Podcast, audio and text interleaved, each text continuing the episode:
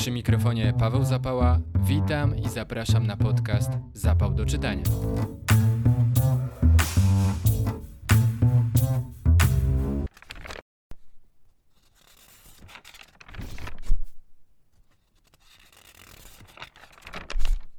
Siódmy odcinek podcastu będzie tematycznie zawieszony między starym a nowym rokiem. Do tego poprzedniego wrócimy dzięki książce Wojciecha Jagielskiego Druga strona świata. To kolejny zbiór felietonów tego autora, który i tym razem uświadamia nam, że wydarzenia toczące się w Afryce czy Środkowej Azji mają wpływ na naszą codzienność. Z Wojciechem Jagielskim porozmawiałem nie tylko o jego książkach, ale również o kondycji dziennikarstwa, reportażu oraz piłkarzy na ostatnim mundialu. Poza tym tradycyjnie już czeka na Was przegląd najciekawszych tekstów oraz muzyka do czytania. Czas, start!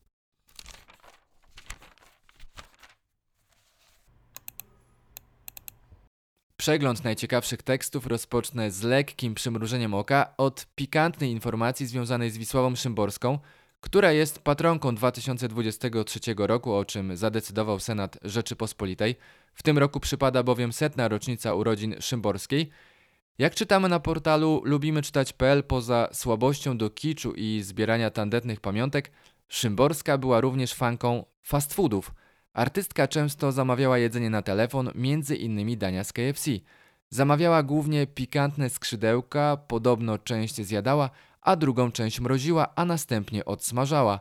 Wieść niesie, że w niektórych restauracjach mogła jeść całkowicie za darmo. Po dokładkę ciekawostek o Szymborskiej ustawcie się na portalu lubimyczytać.pl. Już 1 stycznia przyniósł dla czytelników i czytelniczek dobre wieści. Jak podaje portal booklips.pl, właśnie tego dnia domena publiczna wzbogaciła się o nowe książki pisarzy zmarłych przed 70 laty, co oznacza możliwość czytania i rozpowszechniania ich zgodnie z prawem i za darmo. Od 2023 roku dotyczy to takich twórców jak noblista Knut Hamsun, autor Chłopców z Placu Broni Ferenc Molnar, twórca Pszczółki Mai Waldemar Bonsels, a także Paul Elward czy Elizabeth McIntosh. W Gazecie Wyborczej Michał Nogaś przedstawił listę 13 książek, na które najmocniej czeka w tym roku. Jednak na początku zwraca uwagę na ważną kwestię. Wielu wydawców przyznaje, że z powodu kryzysu i znacznego wzrostu cen papieru w 2023 roku skupią się w dużej mierze na nazwiskach doskonale znanych polskim czytelnikom i że na bieżąco będą korygować plany, co nie oznacza, że zabraknie zaskoczeń i odkryć. Na liście Nogasia znalazły się tytuły takich autorów jak Cabré, Pamuk czy Stasiuk. Ja, zerkając na to zestawienie, najbardziej wyczekuję jednak na nową książkę Filipa Springera. Ma to być opowieść zarówno dokumentalna, jak i fabularyzowana. Springer zajął się w niej pejzażem. Reporter pisarz w ostatnich latach przemierzył na rowerze tereny przez wielu nazywane ziemiami odzyskanymi, czyli dawne wschodnie prowincje Prus. Podążał śladami ludzi, którzy, jak przeczytać można w zapowiedzi książki, ogarnięci wizją postępu, włączyli się w rewolucję przemysłową, stopniowo przekształcając otaczający ich świat. W Mein Gott jak pięknie opowie o tym, jak ludzie przekształcali pejzaż, krajobraz, zabudowę, połączy przeszłość z teraźniejszością. W noworocznym wydaniu Tygodnika Powszechnego do przeczytania wywiad z Pawłem Pieniążkiem, reporterem wojennym, autorem takich książek jak Wojna, która nas zmieniła czy Pozdrowienia z Noworosji. Już w lutym ukaże się jego nowa publikacja zatytułowana Opór. Będzie ona poświęcona Ukrainie, o której Pieniążek pisze już od wielu lat i z której od początku agresji Rosji na Ukrainę zdaje relację prosto z centrum wydarzeń. Jak przyznaje w wywiadzie, oglądana własnymi oczami wojna wygląda mniej strasznie niż w telewizji. Jednak staram się uważnie obserwować samego siebie i gdy dostrzegam, że staję się mniej wrażliwy, a niebezpieczeństwo przestaje budzić lęk, wiem, że należy jechać do domu, zrobić przerwę, odetchnąć. Kiedy potem wracam na front, strach powraca i nie ma w tym nic złego. W innym miejscu wymienia największe grzechy współczesnych reporterów wojennych. Reporterzy potrafią chodzić w ukraińskim mundurze, mieszają dziennikarstwo z aktywizmem, stając się kanałem niewiele różniącym się od komunikatów Ministerstwa Obrony. Moim zdaniem, nawet rozumiejąc, kto jest ofiarą, a kto agresorem, powinienem zawsze wątpić, wszystko weryfikować, patrzeć całościowo, bo uważam, że rzetelne dziennikarstwo ma dużo większą moc niż propaganda. Dlatego nie angażuję się w zbiórki na armię Ukrainy. Inaczej pojmuję swoją pracę.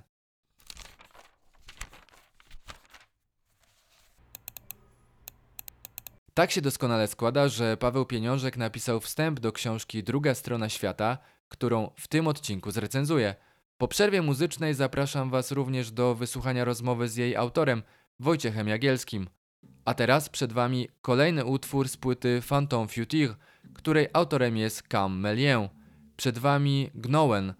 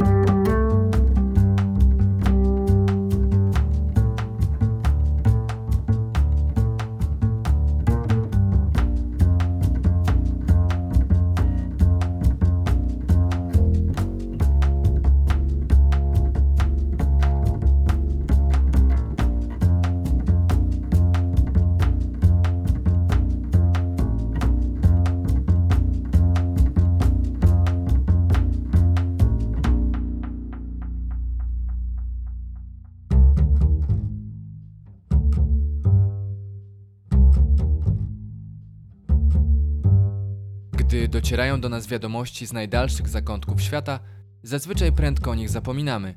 Nie tylko ze względu na ich natłok.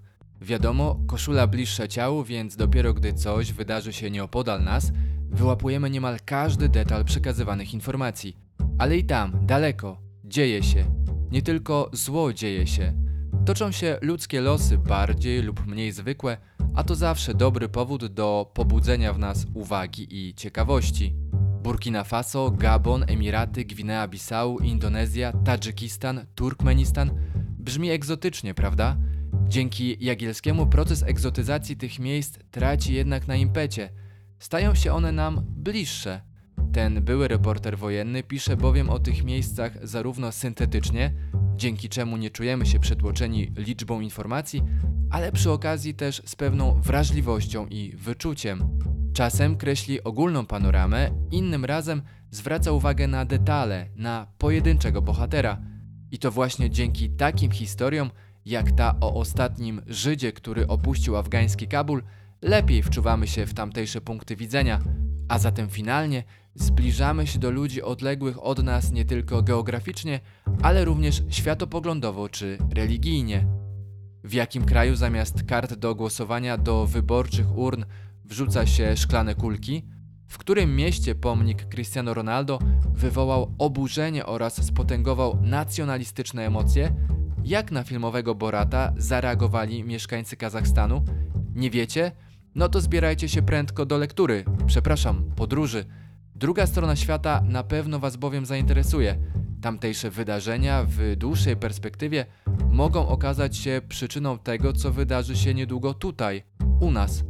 Więc jeśli mamy być przygotowani na skutki tych wydarzeń, to musimy opierać się na rzetelnym dziennikarstwie, a takie gwarantuje Wojciech Jagielski. Od 2017 roku Wojciech Jagielski, były już reporter wojenny, jest dziennikarzem Tygodnika Powszechnego. Dwa lata temu ukazał się pierwszy zbiór jego tekstów zatytułowany Strona Świata. Pod koniec poprzedniego miał miejsce premierę drugi zbiór, tym razem z lat 2021-2022. Nie tylko o tej książce, ale również o kondycji dziennikarstwa i reportażu porozmawiałem z Jagielskim nieco ponad tydzień temu. Zapraszam do wysłuchania naszej rozmowy. Gościem podcastu Zapał do czytania jest Wojciech Jagielski, reporter, pisarz, były korespondent wojenny, a obecnie, a właściwie to od marca 2022 roku również podcaster. Mam nadzieję, że nie obrazi się pan za, za ten tytuł. Jest pan współtwórcą podcastu Jagielski Story. Jak w ogóle się pan odnajduje w tej roli po tych już kilku miesiącach? Nie myślę o tym specjalnie, nie myślę też o sobie jako autorze czy współautorze podcastu. E, jest to nowy rodzaj komunikowania, nowa, nowe zjawisko w dziennikarstwie, a może nowe dla mnie, bo wiem, że ono funkcjonuje i dobrze się miewa od jakiegoś czasu. Na pomysł podcastu wpadli moi koledzy w redakcji Tygodnika Powszechnego. Głównym prowadzącym, jeżeli mowa o autorstwie, to raczej to jemu ten tytuł powinien przypaść jest Krzysztof Story. Uczę się tego, występuję w tym własnym podcaście. Nie mogę powiedzieć, żebym wiązał z tym rodzajem, nie wiem nawet jak to nazwać, dziennikarstwa swoją przyszłość, no bo trudno nawet, żeby mówił o przyszłości zawodowej dziennikarz zbliżający się do emerytury, ale nie jestem też słuchaczem innych podcastów, hmm. więc troszeczkę czuję się, jakby to powiedzieć, no jak kompletny amator w tym gatunku i może to nadaje jakieś świeżości temu, temu podcastowi, właśnie tygodnikowemu. Przejdźmy do tej działalności, z którą jest Pan najbardziej kojarzony. Pana najnowsza książka Druga Strona Świata to, to kolejny, drugi już zbiór Pana tekstów, które były publikowane na łamach Tygodnika Powszechnego. Tym razem dotyczą lat 2020-2022. Wyboru, podobnie jak dwa lata temu, dokonała pana redakcyjna koleżanka Ewelina Burda. Czy całkowicie zdał się pan na, na jej selekcję tekstów, czy jednak pozwolił sobie na jakieś sugestie? Kto w ogóle wpadł na pomysł wydania tej książki? Czy to była pana inicjatywa redakcji, a może wydawnictwa? To była inicjatywa i pomysł wspólna redakcji i wydawnictwa. Ja początkowo byłem strasznie nieufny i niechętny to może dużo powiedziane, ale nie przekonany do tego pomysłu. Nie przekonywały mnie długo książki które składały się z artykułów, reportaży napisanych już wcześniej i sprzedanych już wcześniej czytelnikom. Wydawało mi się, że twarde okładki, w jakie się jej wkłada, nie dodają tym opowieściom żadnej nowej jakości. Przekonała mnie redakcja y, do tego, żeby jednak spróbować taką książkę nie wydać, twierdząc, że y, no rzeczywiście dziennikarstwo to analogowe, to, w którym ja funkcjonowałem, jest y, w coraz większym zaniku. Przestrzeni na teksty dotyczące spraw zagranicznych jest coraz mniej albo no, nie ma w ogóle. Po trzecie wreszcie, może to nawet najbardziej mnie przekonało, i szybkość informacji w dziennikarstwie zawsze miała znaczenie, natomiast no, dziś ta szybkość i mnogość informacji przyprawiają o, o, o zawrót głowy. W związku z tym dowiadujemy się o mnóstwie spraw, ale jeszcze szybciej o tym wszystkim zapominamy albo dowiadujemy się tylko tak bardzo naskrukowo, powierzchownie. I przekonano mnie, że taki wybór tekstów, a wyboru dokonała Ewelina i to, by, to jest tylko jej wyłączny wybór, mhm. że, że, że, że taki wybór tekstów e, da czytelnikowi okazję, możliwość jakby pogłębienia swojej wiedzy na temat wydarzeń, o których słyszy przez mgnienie oka, w telewizji, w radio, w internecie zwłaszcza. I tak ta pierwsza książka powstała i druga jest jakby kontynuacją tego samego pomysłu. Tytuł sam pan przyzna bardzo rozwojowy, bo mhm. pierwsza strona, druga strona, to można im mnożyć w nieskończoność. Na emeryturę tak prędko się jeszcze nie wybieram, a w każdym razie z pisaniem. Ale po, nie straszę. Z całą pewnością tych stron nie będzie dwucyfrowa liczba. Myślę, że jeżeli, nie mogę gwarantować, że nie będzie trzeciej, natomiast, że nie będzie piątej czy szóstej, to, to zapewniam. Pana książki udowadniają Pana pisarstwo, że to, co dzieje się w Afryce, w Afganistanie czy Kaukazie, czyli w tych regionach, w których się Pan specjalizuje, wpływają również na, na nasze życie. Jednak za chwilę upłynie rok od rosyjskiej agresji na Ukrainę. Czy przez to, że uwaga Polaków skupiła się przede wszystkim jednak na tym, co dzieje się za wschodnią granicą, jeszcze trudniej zainteresować ich właśnie tym, co dzieje się w regionach, w których się Pan specjalizuje? Odczuł Pan, że ten odzew jest mniejszy, czy, czy niekoniecznie? odnoszę wrażenie, że wojna w Ukrainie, jakby to powiedzieć, nie zwiększyła zainteresowania, paradoksalnie. E, to znaczy zwiększyła o tyle, że znaczna większa liczba ludzi, która w ogóle nie sięgała po strony zagraniczne w gazetach czy, czy, czy w dziennikach radiowych, telewizyjnych, w internecie, szuka tych wiadomości, ale tylko dla tych, które dotyczą Ukrainy.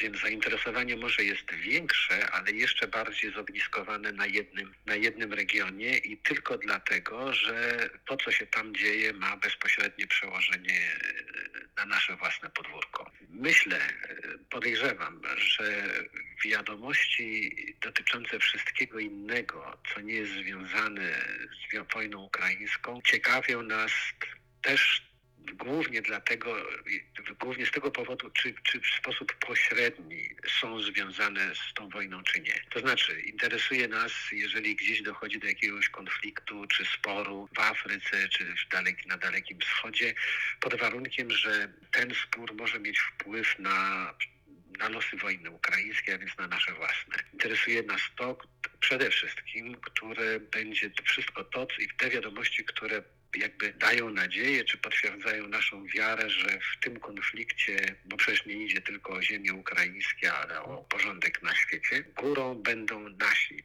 Więc szukamy informacji potwierdzających to, jak Rosjanom fatalnie idzie na froncie, jak przegrywają wojny dyplomatyczne i jak Zachód, czyli my, bo my się pod ten Zachód bardzo e, podłączamy, obojętnie co ten Zachód znaczy dla każdego z nas, e, że, że, że, że ten Zachód jest górą. O tym odzewie wspomniałem i tutaj chciałbym nawiązać do tego, że, że taką książką, pana książką, która spotkała się z największym odzewem czytelniczek i czytelników, była Modlitwa o deszcz, w której opisał pan współczesne dzieje Afganistanu. Swego czasu, jak sam pan wspomniał, Afganistan był drugim krajem, w którym spędzał pan najwięcej czasu. Przyznał pan, że, że przyglądając mu się teraz już, już z odległości, niejako mniej żyje pan jego problemami, co jest zrozumiałe. A, w tych, a tych w ostatnich miesiącach piętrzy się coraz więcej po tym, jak e, po 20 latach Amerykanie opuścili ten kraj, a do władzy doszli znów e, talibowie. Od tego momentu, wydaje mi się, modlitwa o deszcz znów zyskała na znaczeniu. Książka, jeśli się nie mylę, doczekała się nawet do druku, a sam przekonałem się o tym, że praktycznie nie da się je zdobyć w żadnej bibliotece. Mówię o tym okresie właśnie takim wakacyjnym 2021 roku. Czy był pan zaskoczony tym, jak, jak z wielkim zainteresowaniem ponownym spotkała się ta książka?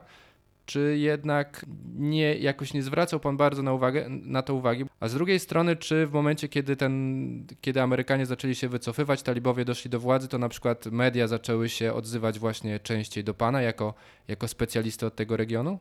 E, no tak to z mediami jest, że przypominają sobie kiedy dzieje się coś e, niezwykłego, spektakularnego, natomiast przypominają sobie, zapominając jednocześnie, że, że, że ja w Afganistanie nie byłem już e, prawie albo ponad 10 lat, mhm. więc moja wiedza na temat tego kraju no, jest wiedzą teoretyczną dziś bardziej, oczywiście opartą na jakimś tam doświadczeniu, które pozwoliło mi poznać że, sprawy i rzeczy afgańskie, które wydają się niezmienne albo, albo no, bardziej trwałe w każdym razie. Chyba ja byłem zaskoczony tym samym jak popularnością książki, kiedy ona wyszła. To był 2002 rok. No, niby nie powinienem, bo, bo wszyscy wtedy jeszcze żyliśmy 11 września zamachami, tą inwazją na Afganistan.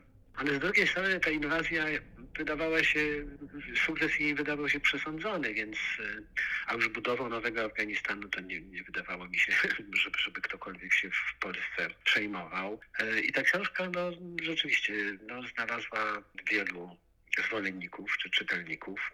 Z jednej strony to z całą pewnością zasługa tych afgańskich wydarzeń, które, które, które tematyce nadały jakiś większy rozgłos. Może też, nie wiem, czasów była to kwestia, bo talibowie reprezentowali coś alternatywnego. Nie coś, co, co by kogokolwiek na Zachodzie pociągało, ale myślę, że znużeni czy rozczarowani tym liberalnym kapitalizmem i wolnym rynkiem, który miał załatwić wszystkie sprawy i wszystkie kłopoty, już wtedy zaczynaliśmy szukać jakichś alternatyw, przyglądać się wszystkiemu, co, co odrzucało Zachód, co, co, co z Zachodem, co nie zgadzało się z wartościami zachodnimi. To myślę też mogło przyczynić się do, do, do zainteresowania tą książką, a koniec wojny takiego zainteresowania się nie spodziewałem.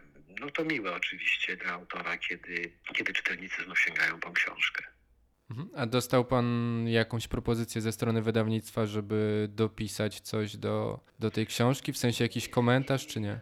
Nie, i na pewno bym jej nie, nie, nie, nie, nie przyjął, gdyby nawet padła. To znaczy, no zawsze jakiś epilog podsumowujący, no na przykład tą wojnę, mógłbym napisać, ale uznaliśmy, że nie ma takiej potrzeby. To nie jest książka publicystyczna i wydaje, nie wydaje mi się, żeby... Zresztą ona już była dopisywana, bo poprzednia Pierwsze wydanie książki kończy się na roku 2001, na jesieni 2001 roku. Przy drugim wydaniu ta książka została rozszerzona o prawie albo ponad 100 stron. I pisałem o tym, pisałem tą afgańską opowieść tak, żeby nie trzeba było dopisywać kolejnych epilogów tylko dlatego, że zmienił się je kolejny prezydent, ustrój, czy ileś tam lat minęło i, i zdarzyła się kolejna wojna. Więc y, starałem się pisać tak, żeby niczego już nie dopisywać. W jednym z wywiadów powiedział pan, że jestem dziennikarzem, który pisze książki, a nie pisarzem, który po godzinach uprawia dziennikarstwo.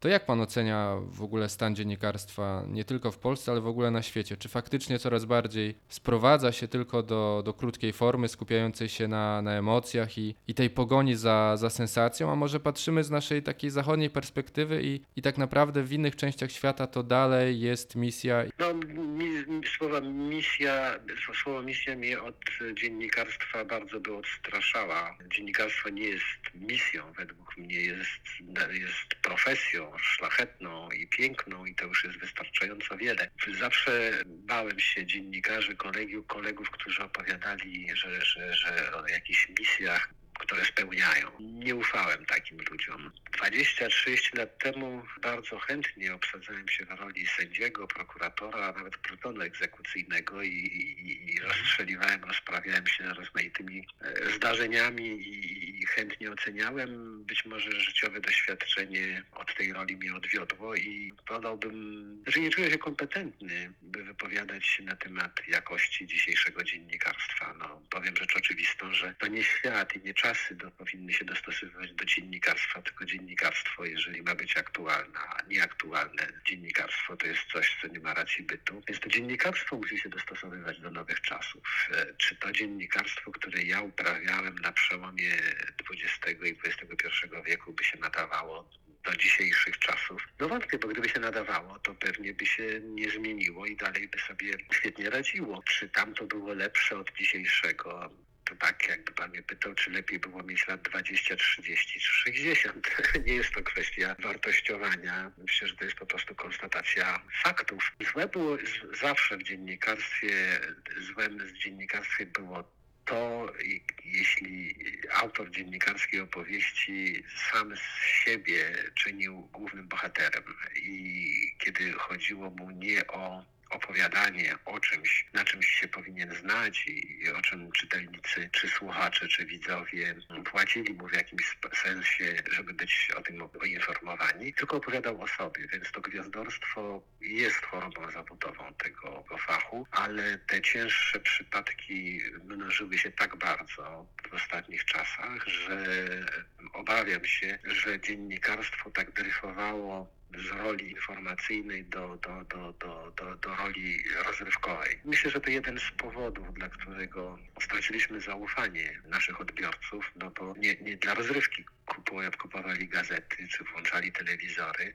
rozrywki szukali gdzie indziej. Dziennikarstwo miało się czymś innym zajmować, a dziennikarstwo to jest zawód zaufania publicznego. Kiedy się to zaufanie straci, to trzeba bardzo długo pracować, żeby je odzyskać, jeżeli w ogóle jest to możliwe odzyskanie tego zaufania. A czy podobnie nie jest też z reporterami? W ostatnich czasach, im w ostatnich latach, im więcej dowiadujemy się, że jakiś reportaż tak naprawdę nie jest oparty na faktach, albo inaczej, wiele rzeczy w nim zostało dodanych przez autora. Nie przymierzając choćby to, ile, ile nowych rzeczy wychodziło w ostatnich latach a propos książek Kapuścińskiego, już abstrahując od tego, że, że te książki były jakby brane jeden do jednego, zwłaszcza za granicą, jeśli chodzi o treść, o to, ja, jaki mają związek z prawdą, to czy jeśli chodzi o reportaż, to też dostrzega pan, że to zaufanie jednak spada? Wie pan, Ocena jakości reportażu i czy ten reportaż w Polsce się miewa dobrze czy źle, to, to, to, to jest raczej kompetencja, albo na pewno kompetencja ludzi, którzy zajmują się tym zawodowo, w sensie obserwacji, analizy, a nie uprawiania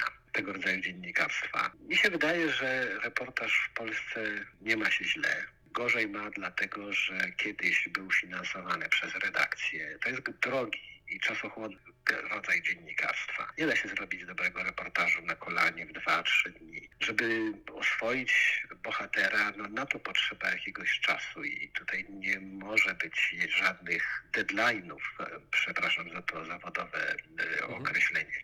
Więc on zawsze był kosztowny i kiedy redakcje zarzuciły reportaże jako formy zbyt długie, zbyt czasochłonne, a więc zbyt kosztowne, no to rolę samofinansowania wzięli, tą samofinansującą musieli wziąć na siebie reporterzy. No to jakoś się z całą pewnością odbija na, na jakości, musi się odbijać, bo, bo, bo, wszystko, co jest pospieszane, jest gorsze od tego, które odbywa się w, w tym dobrym własnym tempie. Kapuścińskim wszystko, co się mówi, albo większość rzeczy, które mówi się o pisarstwie i dziennikarstwie Kapuścińskiego, pisarstwie Kapuścińskiego e, jest wyrwane z kontekstu Mhm. czasów, w jakich on ten zawód uprawiał. Ja, to, mnie, to mnie troszkę przestrasza, że, że potrafimy ferować e, tak e, łatwo wyroki, nawet nie zadając trudu właśnie poznania tych wszystkich kontekstów. Tego chociażby, że Kapuściński pracował w czasach sprzed internetu, albo tego, że polski paszport był dokumentem uniemożliwiającym podróże do tak wielkiej liczby krajów, do Boliwii, do południowej Afryki. Kapuściński po prostu by nie został wpuszczony jako polski dziennikarz. Najpierw musiałby się wyżyć z tego paszportu polskiego, co by go przekreśliło jako dziennikarza czy pisarza w Polsce. Więc te, te, te, te, te, te, tak jak panu powiedziałem, że ta rola prokuratora, i plutonu egzekucyjnego stała mi się obca. Tak samo w tej sprawie byłbym apelował o ostrożność w takich e, surowych wyrokach. Do jakiegoś stopnia w ostatnich latach podjął się pan zadań redaktorskich. Jeśli się nie mylę, od jakiegoś czasu pracuje pan nad antologią reportażu wojennego, którą ma wydać wydawnictwo Znak. Na jakim etapie pracy jest pan obecnie? Kie- Kiedy możemy spodziewać się premiery? No więc ta książka rzeczywiście jest, zaczyna być troszkę jak taka przechodzona ciąża. To już chyba 4 czy 5 lat pracujemy nad tym wyborem. Znaczy wybór, wyboru dokonałem już jakiś czas temu. Dopisałem do tego własnych takich tekstów e, fastrygujących poszczególne fragmenty wybrane. Tego mojego własnego tekstu będzie ze 200-300 stron, więc w jakimś sensie będzie to także moja własna książka wpleciona w tę opowieść, e, bo owszem ona roboczo nazywa się Antologią Reportażu Wojennego i być może nawet e, taką nazwą oficjalnie wyjdzie, bo wierzę, że, że, że, że wkrótce wyjdzie. Natomiast ja wolę o tym myśleć jako o opowieści o ostatnich stu latach historii. Opowieści opowiedzianych przez naocznych świadków rozmaitych wojen, większych i mhm. mniejszych, raczej większych niż mniejszych. Prace nad książką w zasadzie zostały zakończone. Napisałem nawet epilog o wojnie tej dzisiejszej ukraińskiej. Dopinamy jakieś ostatnie kwestie związane z prawami autorskimi. No też te prace redakcyjne trwają. Właśnie wróciły do mnie wybory, które, wybory tekstów, które, które dokonałem. Muszę je skrócić, choćby dlatego, że umowa właśnie związana z prawami autorskimi nie pozwala opublikować fragmentu większego albo zanadto tego tekstu ciąć. No i, i myślę, że do wiosny się uporamy i no, po ostatnich rozmowach z wydawnictwem mam nadzieję, że, że, że wiosną ta antologia w końcu wyjdzie. To na koniec muszę zapytać o, o zakończony niedawno mundial w Katarze. Przed jego rozpoczęciem wielu przewidywało, że że będzie to najgorsza w historii impreza piłkarska. Wyszło chyba zgoła inaczej. Nie czekając na finał, za, za pierwszego wielkiego zwycięzcę można było uznać właśnie organizatora Katar, jak również cały arabski świat. Czy ten mundial jakby potwierdził, że piłka nożna to, to świetne lustro pokazujące, jak bardzo przesuwa się ta światowa strefa wpływów. A co pana najbardziej zaskoczyło w trakcie mundialu, po mundialu? Znaczy, co do przesuwania się tego środka ciężkości bym nie przesadzał, zwłaszcza w piłce nożnej. To, że ten mundial i w ogóle igrzyska sportowe są świetnym zwierciadłem, w którym obecny świat może się przejrzeć, to prawda, ale pewnie tak zawsze było. I za rzymskich cesarzów, cesarzy i później, i zwłaszcza dzisiaj. Tak, ma pan rację. Znaczy, zadowolonych z mundialu jest wielu. Z całą pewnością Katar, bo jemu te mistrzostwa się bardzo udały i myślę, że nie żałuje żadnego z zainwestowanych dolarów. Osiągnął co chciał. Zadowolona jest e, piłkarska federacja FIFA, no bo ona jest tylko, tylko interesują ją zyski, a te zyski z każdym turniejem finałowym są większe. No jedynego, czego, czego może żałować, to, że nie udało się już teraz namówić Kataru, żeby zaprosił 48 drużyn, a tylko 32, bo prawa telewizyjne sprzedane do 48 krajów przyniosłyby jeszcze większe zyski. Ja jestem zadowolony bardzo jako kipiec piłkarski, bo sportowo ten turniej był lepszy niż myślę większość albo wszystkie, które, które pamiętam. To nie był, to, to, to, to, już nie jest żadne dobrodziejstwo klimatu katarskiego czy szerokości geograficznej, tylko pory, w jakim ten turniej był rozgrywany, mianowicie w środku sezonu ligowego w Europie, kiedy zawodnicy jeszcze nie są wykończeni, kontuzjowani, muszą być w formie, bo tego wymagają rozgrywki ligowe. I rzeczywiście mecze były ciekawe i na dobrym poziomie. No, były drużyny, w tym niestety Polska, która strasznie odstawała y, od poziomu sportowego, ale nawet nie tylko od poziomu sportowego, tylko jakby w ogóle taką starodawną piłkę próbowała grać, której już nigdzie na świecie się nie gra i nikt nie chce to czegoś takiego oglądać. Po prostu to było przykro patrzeć, jak z jakiegoś powodu myśmy ten futbol grali. Świat arabski też z całą pewnością odniósł sukces. Czwarte miejsce na Maroka to było ogromne zaskoczenie dla mnie. Nie podobało mi się sposób gry Marokańczyków, ale doceniam ich sukces. No zobaczymy. Następny mundial za 4 lata ma się odbyć w Stanach, w Ameryce Północnej i tutaj jakiegoś wielkiego poziomu sportowego się nie spodziewam, ale za 8 lat prawdopodobnie, bo są duże szanse, że mundial znów wróci na Półwysep Arabski, bo bardzo chce go zorganizować Arabia Saudyjska, więc wtedy w środku sezonu znów może się okazać, że, że sportowo ten turniej będzie na wyższym poziomie niż e, pozostałe. Ale poczekajmy jeszcze do późnej wiosny i zobaczmy, jak taki, jaki wpływ na formę zawodników będzie miał właśnie turniej taki jak ten w Katarze rozegrany w środku sezonu ligowego. Jak, e, jak ten sezon ligowy, a to on się liczy przecież najbardziej, jak on się zakończy. Wiele było wokół tego mundialu kontrowersji, tego, że mogą być protesty w trakcie, że coś się może Katarczykom nie udać. A, a tymczasem wydaje się, że oni bardzo suchą stopą przeszli przez to wszystko i sprzedali światu taki obraz bardzo ciekawego miejsca. Czy to oznacza, że właśnie wspomniał Pan o Arabii Saudyjskiej, że teraz organizowanie imprez w krajach o jakiejś, nawet nie mówię o samej Arabii, ale, ale ogólnie, że, że w krajach o, o dyktatorskich zapędach na przykład, czy będzie teraz łatwiej e, przełknąć taką, taką gorzką pigułkę. Że... Nigdy z tym nie było większego kłopotu. Ja tylko przypomnę olimpiadę organizowaną w hitlerowskich Niemczech, czy Mistrzostwa Świata w Argentynie rządzonej przez mhm. wojskowych dyktatorów, ostatnie olimpiady w Chinach, turniej piłkarski w Rosji, która przecież w 2018 roku nie była jakoś zupełnie inną Rosją. Miała tego mhm. samego prezydenta i już jedną wojnę za sobą e, ukraińską. Więc FIFA kieruje się wyłącznie zyskiem. Oczywiście próbując tłumaczyć światu, że nie, żeby nie mieszać sportu z polityką, no to, to jest bardzo piękne hasło i rzeczywiście demagogiczne i trudno je obalać, ale chodzi o zysk przede wszystkim, a kraje właśnie głównie z tą marną reputacją ubiegają się o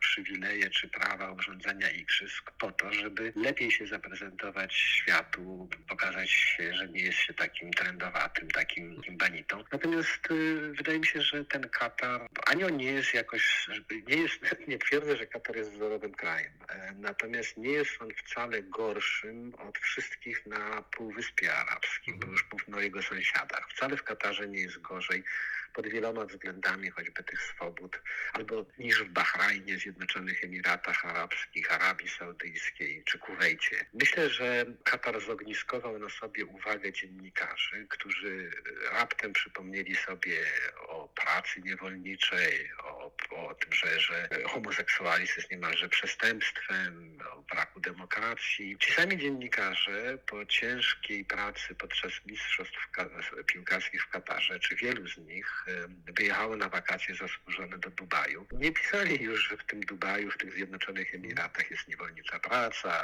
taki, a nie inny stosunek do demokracji, praw człowieka i tak dalej. Więc troszkę też w tym wszystkim jest przewinny dziennikarski.